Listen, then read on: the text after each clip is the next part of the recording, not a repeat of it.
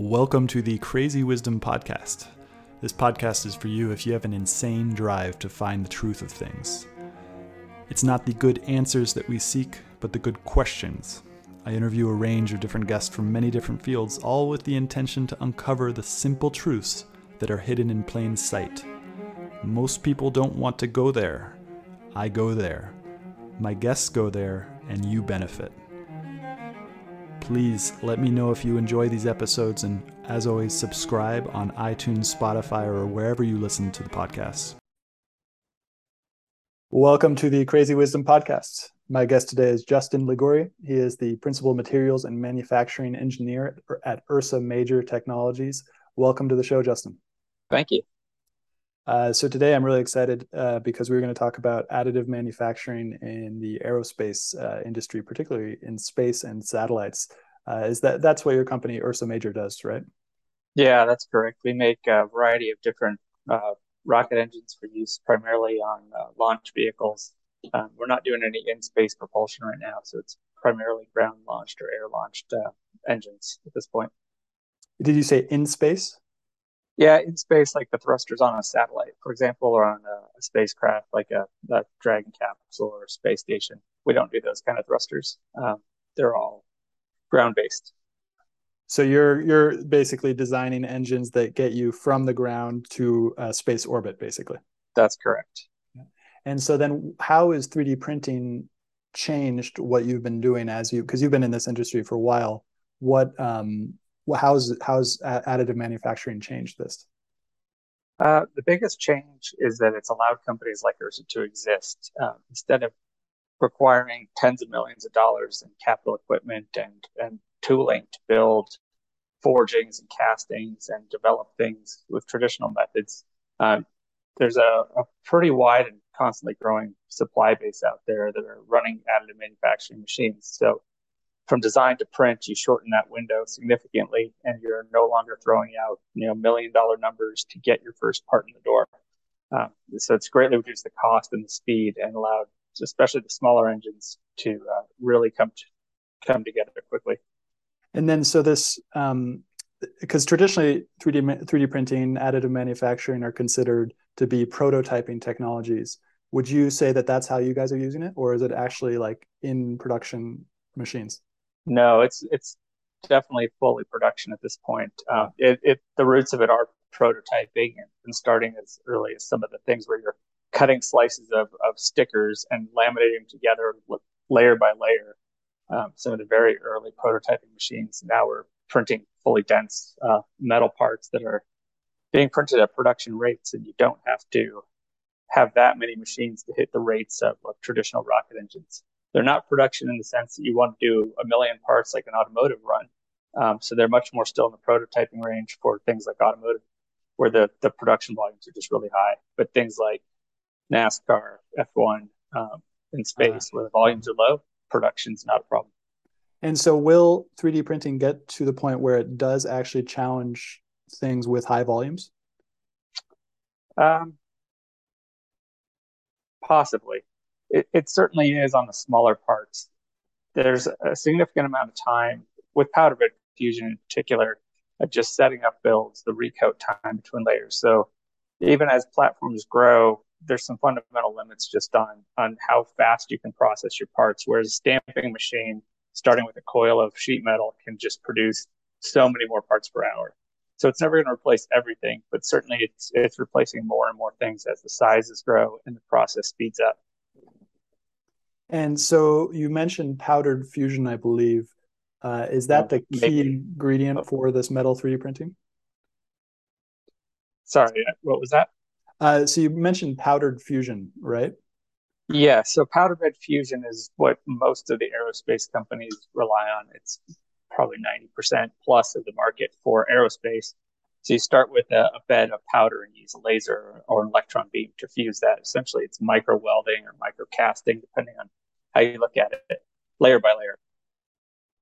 That's very cool. I was look watching a video today of a titanium part, and I think it was an aerospace titanium part being 3D printed with uh, forget the name of the 3D printer now, but um, uh, and so they had a titanium bed sheet because that's the only way that you could weld the titanium um, powder to it and then it yep, built the part and then afterwards they put it in a water and it looked like they like uh, they cut off that weld with the build plate with a laser underneath water. Is that what you guys do? Uh, yeah that's the basic process. So uh, titanium in particular you end up printing on titanium because if you try to print it on something else it typically cracks. It's really reactive and it makes things brittle. So that's why they print titanium on titanium. Um, so yeah layer by layer with a preform. There's other technologies where you actually start with a basic sheet part or a, a conventionally machined part, and then you can add onto t- onto the top of that. So you actually have a hybrid conventional and additive part. With the water process you're describing, that's uh, probably an EDM wire EDM machine. It's electro discharge machining. So they're just basically spark eroding that part to cut it off the build plate. It's a pretty low stress, high high precision process versus using a bandsaw. So that's also used on some parts. Interesting. So you have bandsaws that you can also take take that titanium build plate and separate it from the the part. Yep. Yeah. There's built there's large bandsaws made to just for cutting parts off build plates now. Interesting. Um, so so 3D printing has basically opened up new markets for low volume uh, production of highly specialized parts that allows a company like Ursa Major to exist how many other companies have been created by this uh, by this new technology? Um, I would say that virtually all of Ursa's competition um, is using this technology to some extent. Most people now are, are taking things that were very complex, multi-piece assemblies, like namely thrust chambers, um, housings for pumps and that, and they're they're printing in one form or another. So most of the major players in the the small space industry are doing this now. And the larger ones are as well, though their parts and their engines tend to be larger and there's less parts you can make on them. And there are some downsides to making parts with additive. Um, surface finish is the biggest one, and, and fatigue, uh, failure by fatigue for long life parts is certainly a concern. So it hasn't fully replaced conventional processes, and on larger engines, there's there's less of a market for it.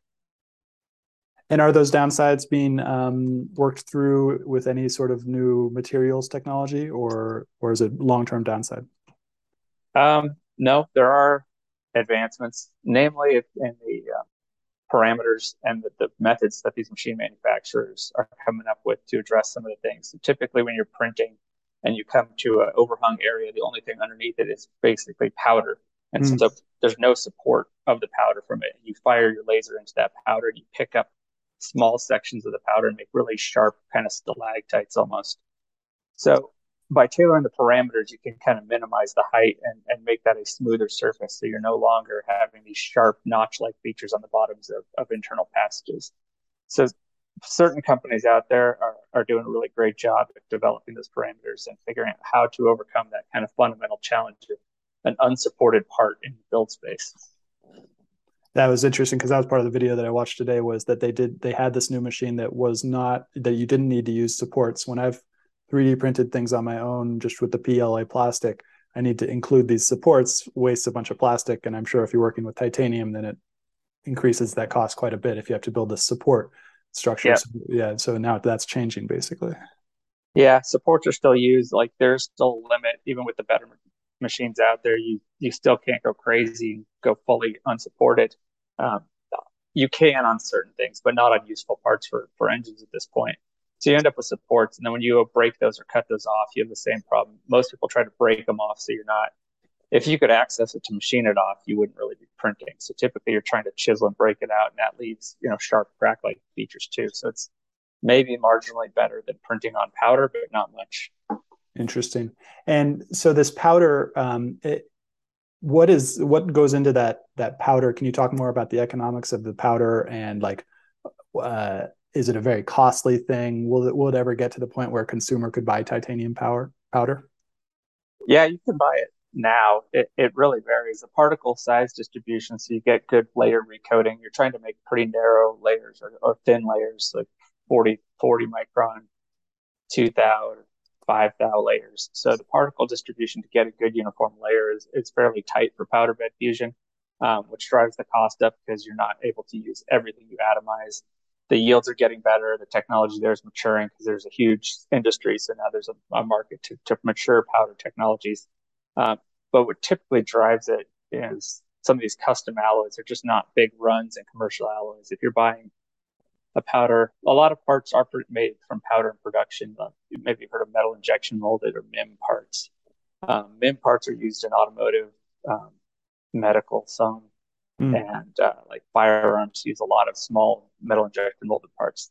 But they have a much easier to make powder, and typically the alloys are not uh, exotic so you can make those cost effective. So I think additive will eventually come towards that, and uh, it's definitely come down significantly in some of the newer alloys out there. But we try to use we're very weight conscious, so we tend to use very high performance alloys that are not common and used in firearms or automotive as much.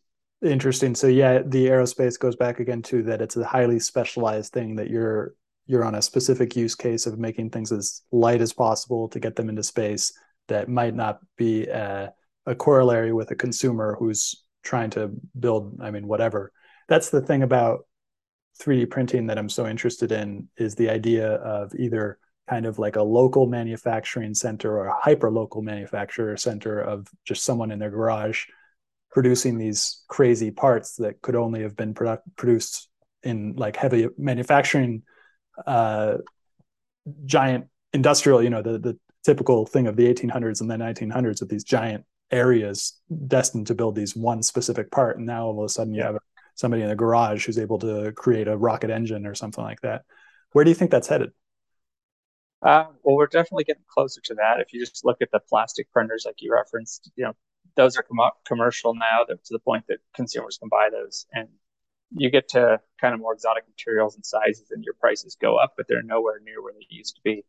And just looking at the evolution of, of replacing castings and forgings, which is largely what additive parts had had replaced, machine shops now that used to still have to go to a foundry to get a casting or go to a, a, a forge shop and get a large forging.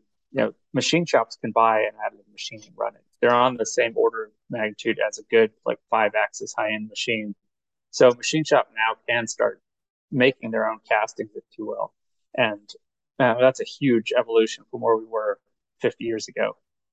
Uh, so I think there's potential to get to the consumers. It's going to be difficult. Just if you look at powder bed fusion, if you if that becomes the benchmark of quality, um, there's just a lot of challenges in, in that technology making it something user friendly. And the hazards of metal powders are never going away. That's intrinsic to the powder. So you have to figure out how do you have this super flammable, toxic powder and handle it safely. And the equipment for that tends to be expensive, and that'll come down. But there are a lot more challenges than there are with loading a spool into your machine and printing. And that's what I saw with this titanium metal 3D printer was that the guy put on a full mask with a with some sort of tube that went down to his waist. Uh, what what is that? Do you guys use that? Yeah, that's a, we do. That's a respirator just to prevent breathing in metal powder. Interesting. Um, and so now I'd like to take it to more of a kind of a globalized view, particularly what happened right now, uh, what's happening right now, what happened with the kind of COVID supply chains, how did that affect 3D printing? And then I know that China is also producing a lot of these machines, and and what is their role? And then also Germany, uh, kind of the power crisis. Like, it, will 3D printing uh, lose out in Germany, or will it become more efficient because uh, it's maybe less power consumptive than traditional German and German manufacturing? I don't know if there's a particular angle that kind of spoke out to you that you'd want to cover, but um, what do you think of all that?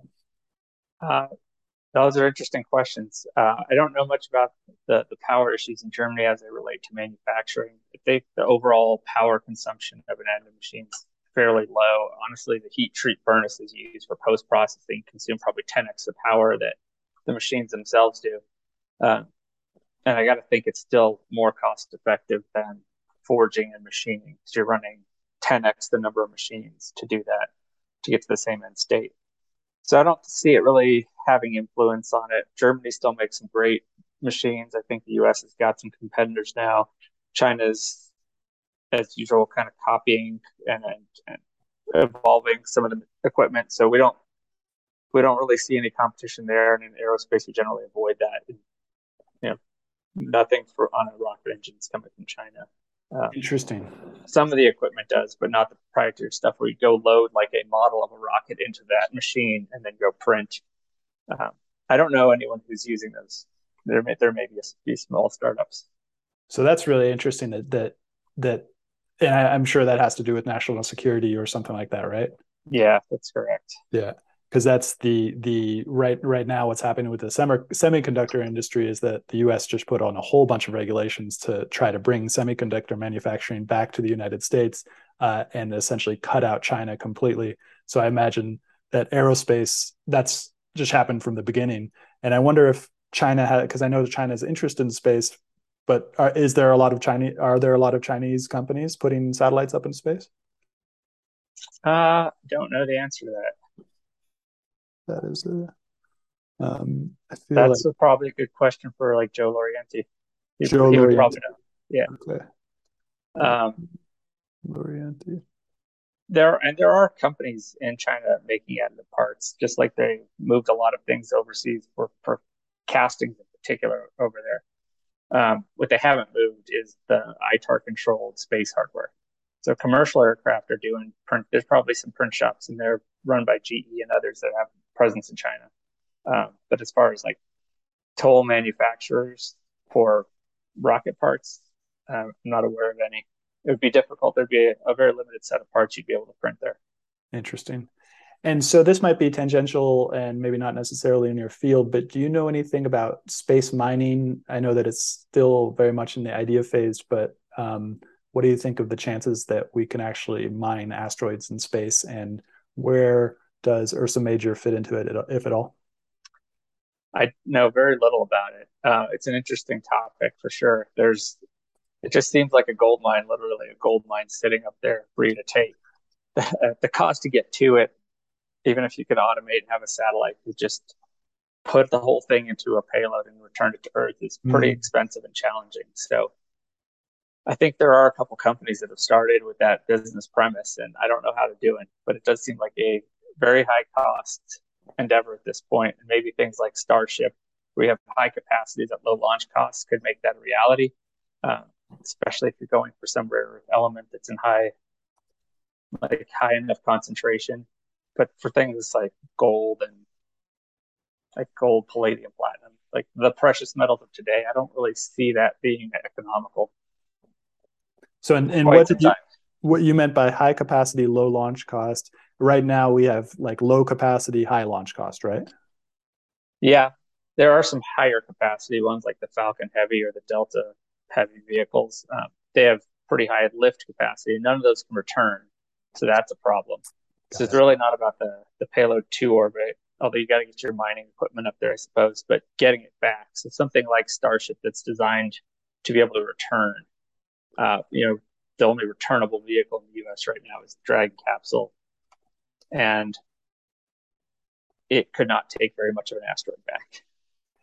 And so that returnable feature is really interesting because it uh, essentially allows you to build one rocket and then reuse it multiple times. Um, but then, why? So, why is it? Um, Interesting. Uh, so you've got Ursa Major building these satellites. So it might not lead to asteroid mining. Does it lead to anything else that can uh, essentially create new industries that are based off of space? Or is this like, because there's, you know, when I grew up, and I'm sure when my father's generation grew up, the idea of going to space, going to Mars, conquering the universe was such an attractive idea. But now it feels like we're in very much a standstill uh, where Peter Thiel, I think, uh, talks about you know bits versus atoms, how the only innovations the last 30 years have been in bits.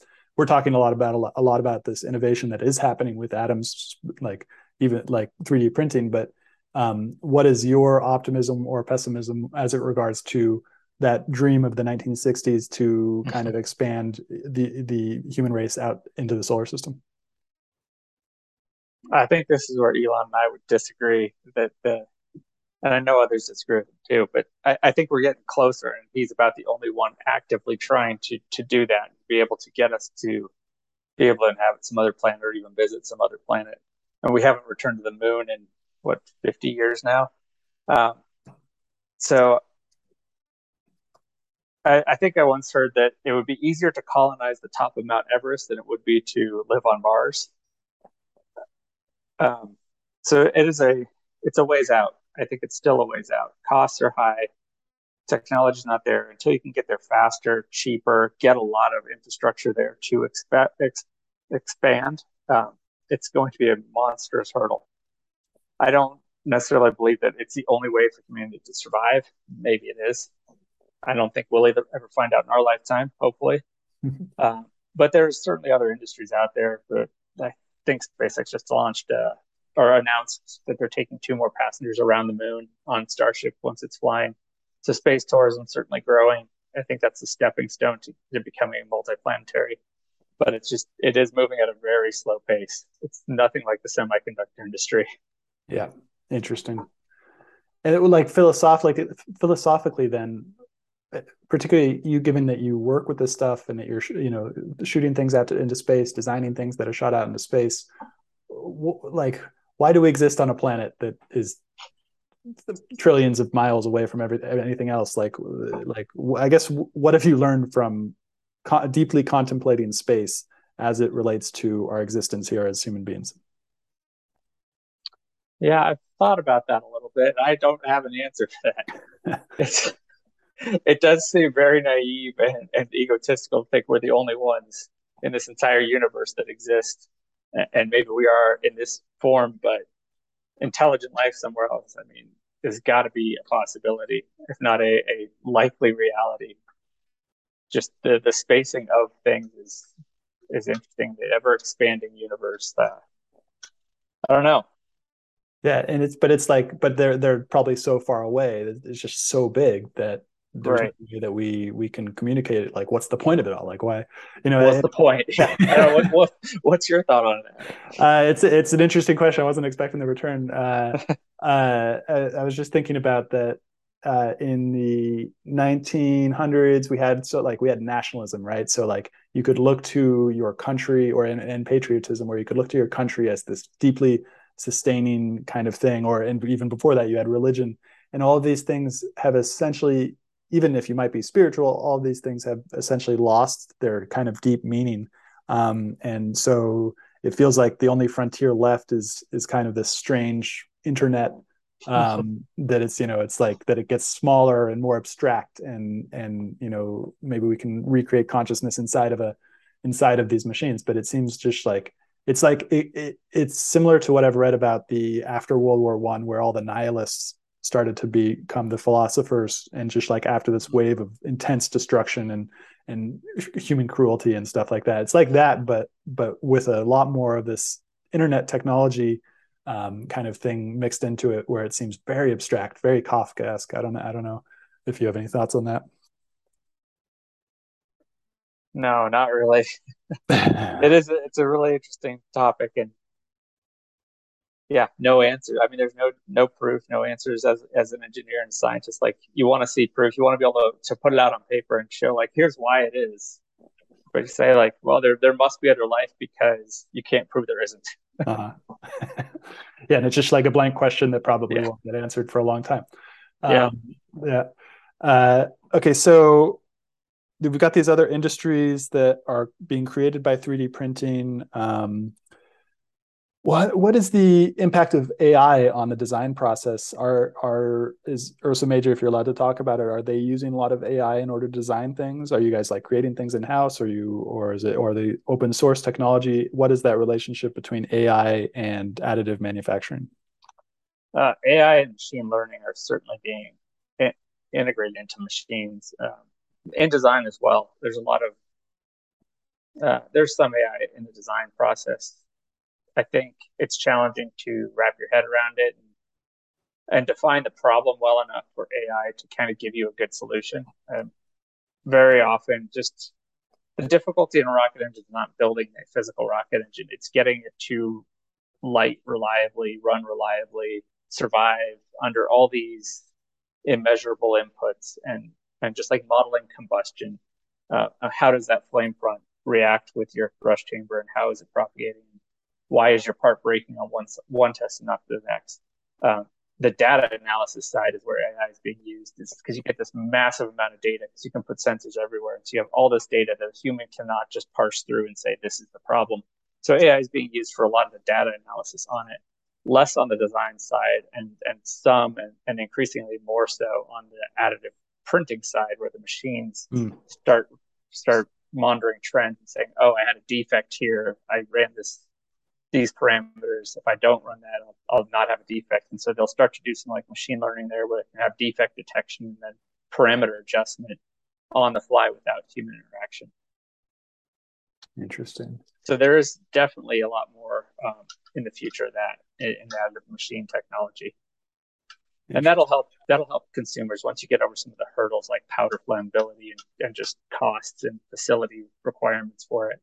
Um, having a machine that's kind of self-learning and not having to have a scientist or engineer program and run it that's i think where you start to have a lot of that involved in the, the consumer market and, and is that for ursa major like what what is the um, amount of employees who are focused on that role that you just said like what what is the major thing that ursa major is hiring for uh, what are the main business problems that ursa major fa- uh, faces that they need other people for um, it's a pretty small part, um, the actual like additive manufacturing side of it.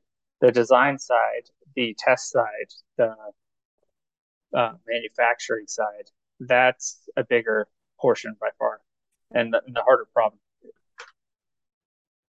And so, what do those manufacturing roles look like? Because I have this image of manufacturing as you know people in the 1960s and 1970s, 1950s, whatever, um, kind of all in this big warehouse with a furnace and just like, and then supply chains kind of moving it. What does it look like in reality? Um, Ursa is fairly horizontally integrated, so we don't have a lot of internal capacity for printing, machining, um, those kind of more traditional manufacturing processes. Largely, what we end up doing is assembly yeah. uh, and then testing. So we bring in components, assemble them, sub-assemblies, test those, characterize those, use that data to inform the how the engine will operate, build the engine, test the engine. Um, so we run our own engine test stands at our manufacturing site, which is great. You can build an engine, test it the same day. Oh. Um, so it's a lot of that, the build, the assembly, and then the, the testing, and then data analysis and, and determining what next iteration you want to build. Oh, that's so that's interesting. So it's essentially a place where you assemble, you bring all these things together, and then you assemble them together and test them. But you, as you said, most of those things are being produced in the United States, right? Yeah, most, if not all. There's uh, like off-the-shelf parts that are are foreign. Um, you know, typically bought domestically, but you don't always know the source. Likely, a lot of it is foreign. Um, and then, so I would imagine that COVID did not affect you. The COVID supply chains did not affect your your business that much. It had a lot less of an effect. I would say it, it had a very minor effect on the additive supply chain for us. Uh, there's tend to be small, smallish companies, so there were some effects when when people would be out, but um, powder lead times increased. Uh, the electronic side of the engine is where COVID hurt us the most. Yeah, like everyone else. Interesting. Uh, and so uh, you've you've got a rocket. Maybe you can kind of give us an overview of what a rocket is exactly. Like, what are the key components of the rocket? And then eventually, the question that I have is like, how many of those parts are off the shelf versus how many of those do you guys actually like produce yourself? Sure. So we can start at the bottom since that's what Ursa does. We, so a rocket typically has an engine or set of engines. Um, for something like our Hadley engine, which is 5,000 pounds of thrust, uh, you could run a single engine for a very small payload vehicle or a cluster of nine, like some of our customers do, and like Falcon 9 does. It's a cluster of nine engines, and that's on the what's called the first stage. This, the first stage is essentially just a fuel tank or two fuel tanks, an oxidizer like liquid oxygen, and a fuel like RP1 or, or kerosene. Um, and that's your first stage. And it has uh, some attitude control things so you can keep it from spinning and direct it where it's going. So that takes you um, to a pretty high orbit where most of your atmosphere is gone. On top of that, you have a second stage, which can be one or more engines, or most commonly one engine on a second stage. Um, with a larger nozzle on it because you're up in space. You can expand out your gases more and get more thrust out of that. So it's one engine on a smaller stage, and that's going to take you um, to your final velocity and your final orbit. And then some some people have a third stage and a kick stage and things. Uh, common configuration would be two stages, and then on top of that, a fairing, some sort of aerodynamic fairing that encompasses your payload, which could be a satellite, uh, a crew capsule, uh, it, various things. It's generally satellites. So, and you guys, you guys aren't uh, sending people into space, but your your rockets are being used to send people into space. No, our our engines are not right now. They're all small. Um, some of the engines we're working on, the larger ones, could be used to uh, have a like a man-rated space vehicle. They're high enough power that they could like replace a, a Falcon 9 size vehicle. But no, right now they're all uh, satellite. And is there any other use case besides a satellite for putting something into space? Mm, satellites, capsules. Uh-huh. Uh For for the non-storable, the non-storable being using a cryogenic fluid that's boiling off constantly, so you can't just fill your rocket up and put it in a silo somewhere. But there's like the non-storable rockets, which essentially are used for ballistic missiles and, and missile technology, which is where the rocket industry came from.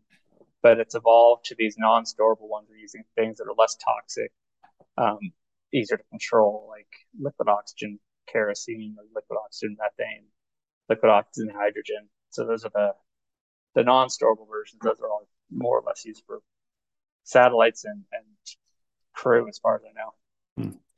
And so, uh, if we can go there, how how did you get into this industry? Because it says that you were a you were a material engineer uh, at intern uh, at Intel, um, yeah. and then and then uh, you got into kind of metal, metallurgical engineer, uh, and then ended up at SpaceX.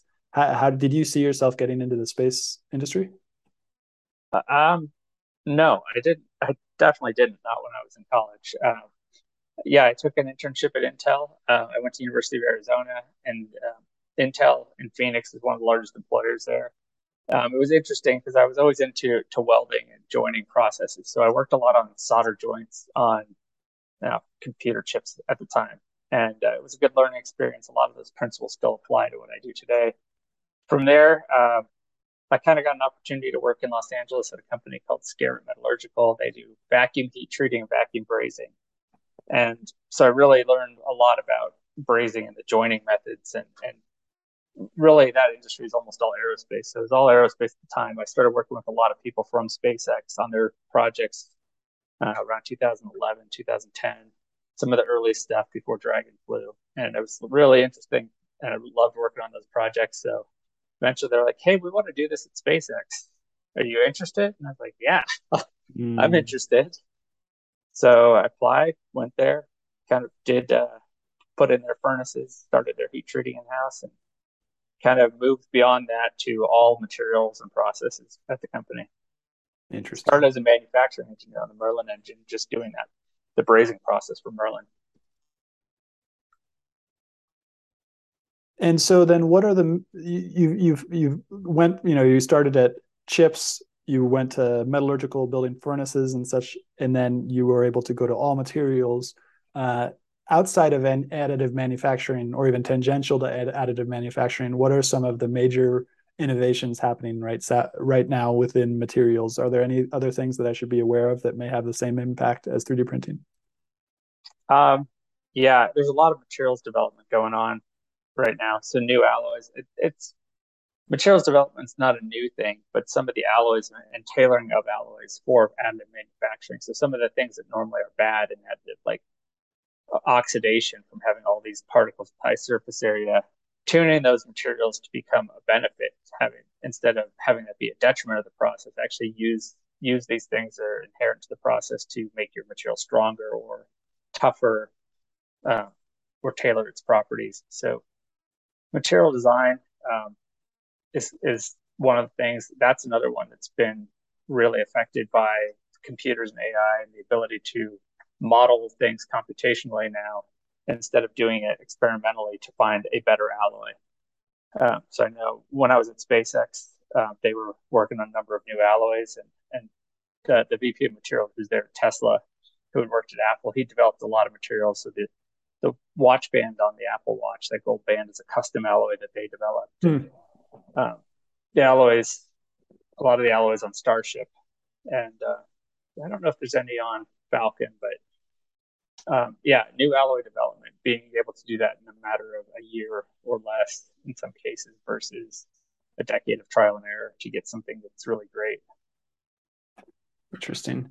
And so, okay, so you've got all these new alloys. It's really interesting. It's leading to kind of a world where there are all these businesses doing really interesting things, and then we've got the economic kind of situation that we're looks like we're headed into, um, and it's kind of a, a, a where like w- one tenth of the world is going to be in this hyper science fiction universe uh, with all these new alloys and new materials focused on these business problems. And then there's going to be a large amount of people who might get left out from essentially from losing any sort of jobs over artificial intelligence. do you do you do you buy that that basically artificial intelligence will destroy a lot of the jobs that are currently out there?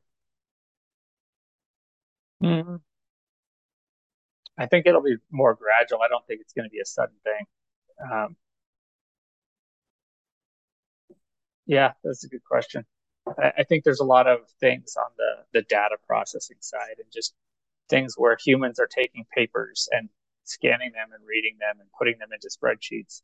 Like I see that being replaced for sure. I, I don't know how that would survive. It's it's already there. It's just a matter of making it accessible to everybody. So the, the clerical side of of jobs, which is a lot of jobs. It's a, lot, lot, of jobs. Yeah. It's a lot of jobs. Um, I see that that being kind of the first thing, and then the, the manufacturing stuff that can be automated and use vision systems to to monitor quality, so you don't have to have somebody standing over a machine to see when it's making it has an error. Um, those, especially for small scale things where the machines are not these cast in place centuries old machines. Um, those probably be next. I think it's going to be very difficult when you start looking at large scale manufacturing, like look at like a turret of a tank or something very large where it's a huge casting, it's a huge machine. The capability to make the machines doesn't exist anymore because you had to build a custom foundry just to cast this huge thing, and you did it in place because you couldn't move it anywhere. Like wow. that stuff's going to be hard to replace. Yeah, interesting. And but but are there a lot of people like involved in those in those large kind of casting things? Um, you know, percentage wise, it's probably a small amount because they are fairly small industries, uh, very important, critical ones, but small overall employment. And then, so what? So, so say that the technology, particularly artificial intelligence, machine learning, helps uh, you know en- you, engineers like you do your job uh, better. And kind of what what jobs that you normally do can you see being farmed out to computers, and then what jobs that you do will probably be resistant to that? Well, the data side of things for sure. Uh, I would love to have that farmed out. It would be my goal to get rid of a lot of that of that work. The challenge is that you still have people involved. So you have a vendor who doesn't want to change their process and make an here's a form that a machine can easily read. And uh, so you could do that today. You could just get something in an Excel spreadsheet instead of a scanned PDF. I could be done with my job. But there's resistance to change that people have that will kind of check the progress of AI yeah. because these small businesses that exist everywhere that don't have the capital or the desire to replace themselves are going to kind of limit you yeah. until other companies learn to work around them. So they kind of slow things down a little bit. It's not all Intels of the world and the Microsofts and Apples like pushing AI. Like everyone has to adopt it, or they will slow you down from implementing it. Yeah. So that's probably a good thing for people.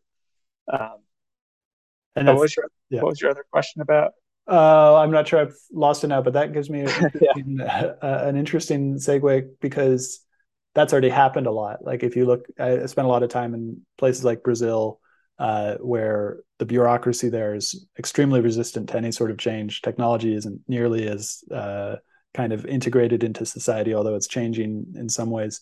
Um, and it's just like people are very like it, it, it's in a similar way I, I forget who said it but you know science advances uh but one death at a time kind of thing it's same the same thing that that blocks yeah. scientific progress, medical science, like the reason why it takes 20 years for evidence to seep into the medical practice practicing. It's like all these there are all these human factors that limit the spread of technology, which is really interesting.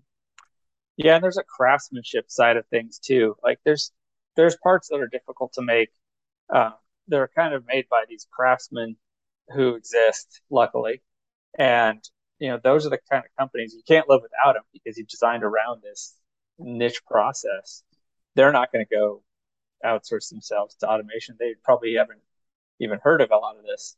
So you still rely on them and therefore you're kind of stuck with that even if everything else in your business is is moving faster um, there's there's those kind of things that are going to be slow on the on the rocket side especially uh, to replace. Interesting.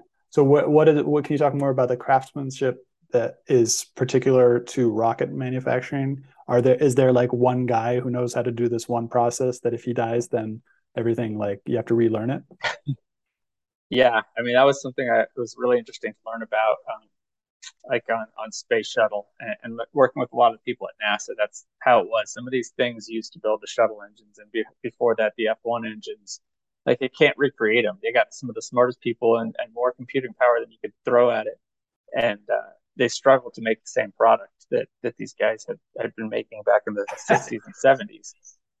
Um, you know, welding is kind of one of those arts where yeah, you, there's plenty of automated welding out there. It, it's all over the place. But when you get two parts that are different and have, uh, you know, they're they don't fit together perfectly. Um, the robots and and even with some machine learning, like they struggle to handle the variation that the humans are able to do with uh, kind of that craftsmanship of making two parts fit that don't want to fit together. And that'll, I think that will eventually be replaced. It's a pretty expensive problem to solve. It is a lot cheaper to throw a skilled person at it than just to skill throw a lot of computers at it. And this is this is making me think, particularly in relation to jobs that, and the clerical jobs seem to be on the way out already, if not like already out of the way at a reasonable rate of pay for most mm-hmm. Westerners because it's already it can be done in India or Brazil or whatever. Yeah. Um, and so like that that's already kind of destroyed it, and then it's going to be destroyed even more like it makes me think that if it's almost like a return to blue collar work as a means for uh, uh, reasonable pay. Yeah, I think um, you look at the semiconductor industry and some of the stuff that we've lost out to that we need to bring back here just so that we could make things ourselves. Like Americans are losing the ability to make things, like the craftsmanship, the, the blue collar work. We've kind of missed out on that. We haven't trained the next generations, and so it's like going to be learning something all over again is going to seem really hard compared to what we've been doing. Yep. Interesting. Um, okay, so let's bring it back to the additive manufacturing for the last five yep. ten minutes or so. Um, so there's aerospace. Do you know anything? What are the other major industries? A lot of people talk about um, biotech and and you know I think it's 3D printing prosthetics is the main thing, or dentures, or all these other things. Uh, what yeah. are what are these outside of aerospace? What is the main kind of innovations in additive manufacturing? Yeah, medical is a huge huge consumer of additive, uh, especially titanium. Uh, the automotive and the racing world are also pretty big consumers of it. Medical is really interesting because every every prosthetic is slightly different. So the ability to rapidly tailor something and print a unique part for that person um, or type of people, you can make a lot of different product versions very quickly. Um, so at, medical is, is huge and probably will continue to be big. Um, I think automotive is a very large sector as well, where things still have to be metal and strong and need to take certain forces. So you, you need additive for that, or need some sort of metallic component, even with other other materials advancing. Like metals aren't going away completely. Uh, I think F1 and NASCAR use it pretty extensively that's a that's an industry that's almost on par, if not exceeding in some ways, the the space world. Interesting. And so you've got medical. Uh, um, so and then I want to get to this question of like the tinkerer, because you know you've got China. The, the, we've gotten so much cheap stuff over the past 20 or 30 years because China just basically figured out all of these supply chain things. Yeah. Um, but then what does this world look like where a tinkerer in his backyard or a tinkerer in his backyard helping the whole community around him have these products so that like does does that look like it's an actual future that's within five years? I think if the first thing you'll see is a home system for doing uh, like directed energy additive manufacturing. So you commonly hear ded directed energy deposition um, which really the the start of that was taking these uh, wire fed welders and basically putting a robot on those and you can now take a robot and control your weld passes and so there's wire fed DED that's not much different than welders that you have in your garage today. And then you take something like a CNC plasma table you can buy off eBay. You put the two together, you put some software behind it, and now you've got an additive machine that's doing wire fed. Not the same materials, not the same quality and fine feature resolution that you get with powder bed, but that's probably going to be the first step in the consumer market. Uh, maybe followed by something like uh, powder bed. Uh, sorry, it's escaping me. It's, it's the uh, binder jet. Sorry, binder jet, where you have a metal with a polymer or some kind of binder. So you put your layers of powder down, and then you print a binder on it. So you don't have a high power laser anymore. You're it's basically have an inkjet printer that's printing on top of metal powder and making this kind of semi-solid preform. Uh, you take a lot of the challenges that you have with laser and, and electron beam systems out. So that I think would probably be your next step. You can then kind of send these plates off, get them heat treated by some vendor that they're not super expensive exotic processes. You know, they're pretty close to that right now. They're they're Ferrari price. They're not uh, uh-huh. Honda Civic prices, but uh, those are possible. It, a lot smaller scale than they than you have on the, the powder bed fusion. Uh, interesting. And so is that all related to metal 3D printing or is that like uh, material agnostic? Um, the, the binder jet can be used with a variety of materials. They even do ceramic, sand. Um, yeah, it's not limited to metals. Um, wire fed, yes, that, that's limited to metals. And so then, but, go for it. Yeah, much like uh, the powder bed fusion really is all metal. And so I'm trying to think about some of the things that uh, are in my house, like I've got a electric kettle, uh, and I imagine that electric kettle has some sort of uh, uh, motor inside of it, maybe an electric motor or something to heat the water. I don't know how it how it works or something like that. Um, is that something that, or or maybe like this printer that I have on my on my desk or uh, a Kindle, like how far is it from are we from a future where basically like a science uh, Star Trek future where it's like I can just print, download this this this model off the internet and print this electric motor, you know, and I'm sure there's a lot of assembly required for that. So that's where the craftsmanship might come in. But how far we are we from this future? Um, for kind of dumb, I call them dumb parts. They don't have electronics integrated to them, like like some of the things you described. It, for dumb parts you're not far off at all. And already like the quality of plastic printing and the resolution of plastic printers out there that you can buy are at the point where you could replace some broken metal parts. Like you look at a gear or something in your printer that maybe breaks. You could you could print a plastic gear today and replace that. And you start to get to parts on your car like ah this piece broke on my suspension i need a new one today you could get to the point where you're printing something like that on a binder jet or a wire fed, and maybe you have to do some grinding and final drilling and finishing, but you're not too far from that kind of, of thing. When you talk to like really fine feature resolution or really high quality and high strength per weight, mm-hmm. um, that's where you're farther off. Yeah. So and yeah, large, tr- large parts too is a big limiter, limitation. Yeah. So traditional manufacturing isn't going away any anytime soon. Um, this model that we have is just probably going to hybridize until there's a bunch of makers who can kind of I, I wonder if there's like a because I heard about it in you know in Africa maybe it was just people imagining things but like that where you have this 3D printer in town where where you know people go to that 3D printer to have this thing created for them. Maybe that's like the in, interim model um, uh, particularly if energy prices keep on rising I wonder what the what that effect will have on kind of people producing things in a hyper local level, basically. Yeah, we definitely see it today with plastic printers. Like companies, even as small as ours, and we were 40 people and we had a plastic communal printer. So you go print your prototype or you go print some bracket or some fixture that doesn't need to be metal. It just needs to have some sort of form. It's communal. Everyone just goes and prints on it. So it's already happening. All the major companies are doing that. Uh, and the bigger companies are expanding that to having basically a communal metal printer that you can go print your stuff on. Um, then you just take that overhead of the company and it's, it's beneficial to all. So yeah, I could see that happening. If you yeah. wanted to set up a town center that had a metal printer, you just come bring your part. You could scan it with a blue light scanner, import it, and be printing it. And maybe you put five people's parts on there to make it economical. Now, you know that's not that that's a reality. You could do that. You just need someone who's got the ability and desire to maintain a infrastructure and, and put out a million plus dollars to set it up initially. Okay, because the the million dollar because you'd have to get a lot of different types of 3D printers in order to be, have it be kind of print whatever part needed to be printed. Uh, well, that million gets you a mach- one machine plus its infrastructure. Oh, for like one or a few materials. If you picked a powder, a small powder bed fusion machine, you can switch the powders out.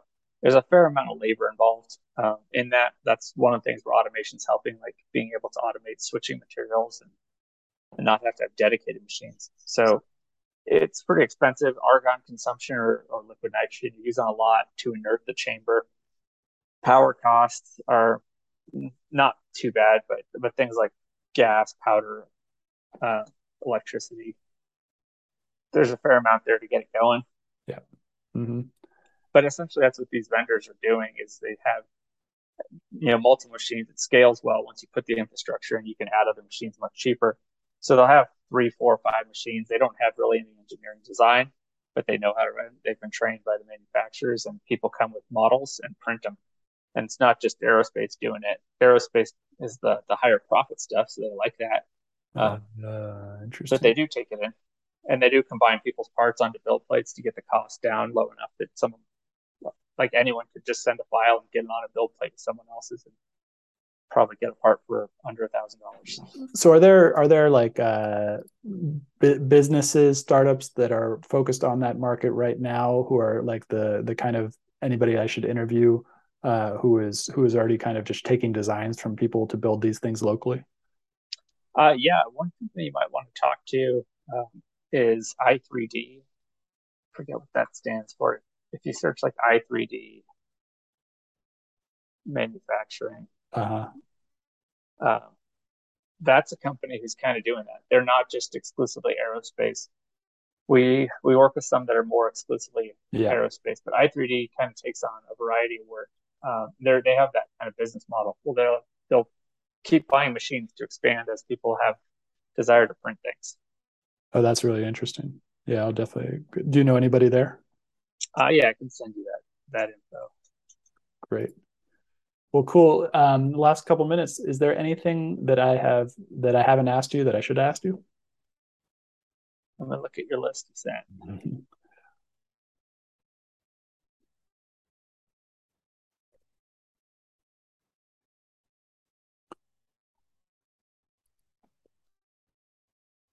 Um,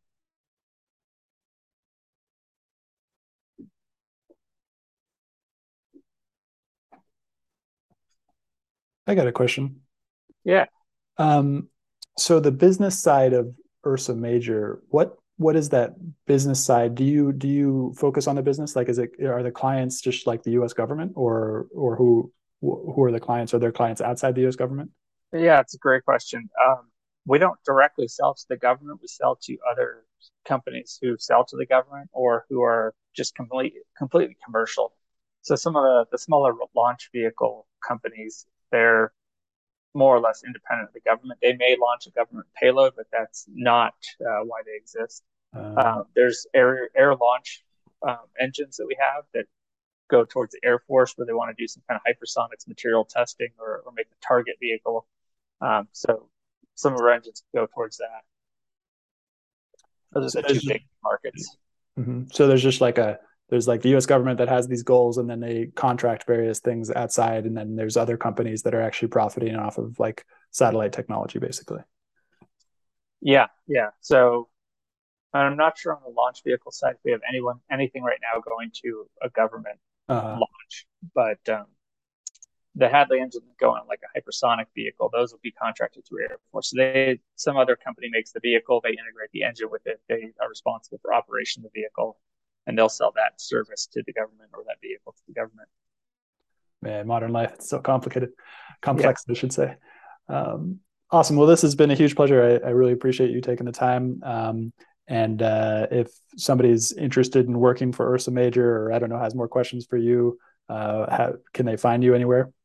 Yeah, I think if uh, it's Ursa Major, we just we just changed our URL. It's ursamajor.com, and uh, there's a careers page there and a contact page on that.